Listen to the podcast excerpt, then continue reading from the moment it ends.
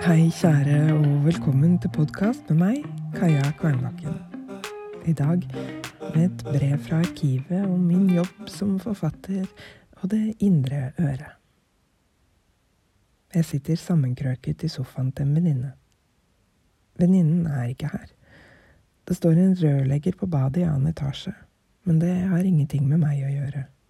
Han vil meg ingenting, og det er det heller ingen andre som vil disse få timene.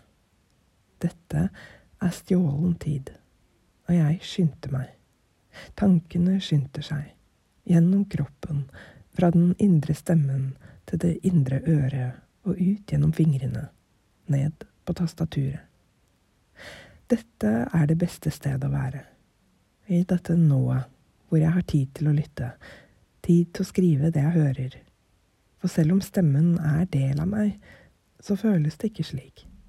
Det er det indre øret som er meg, det som observerer, det som er. Min jobb er å lytte til det stemmen har å si. Stemmen snakker uavhengig av meg.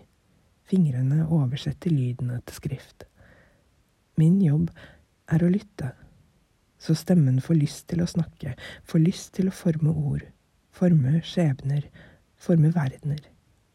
Min jobb er å stjele tid til å lytte i kjærlighet. Din Kaja. Forresten, setter du pris på denne podkasten? Gi den fem stjerner der du lytter til podkast, og del den med andre du tror vil sette pris på den. Det setter jeg pris på. Vi høres.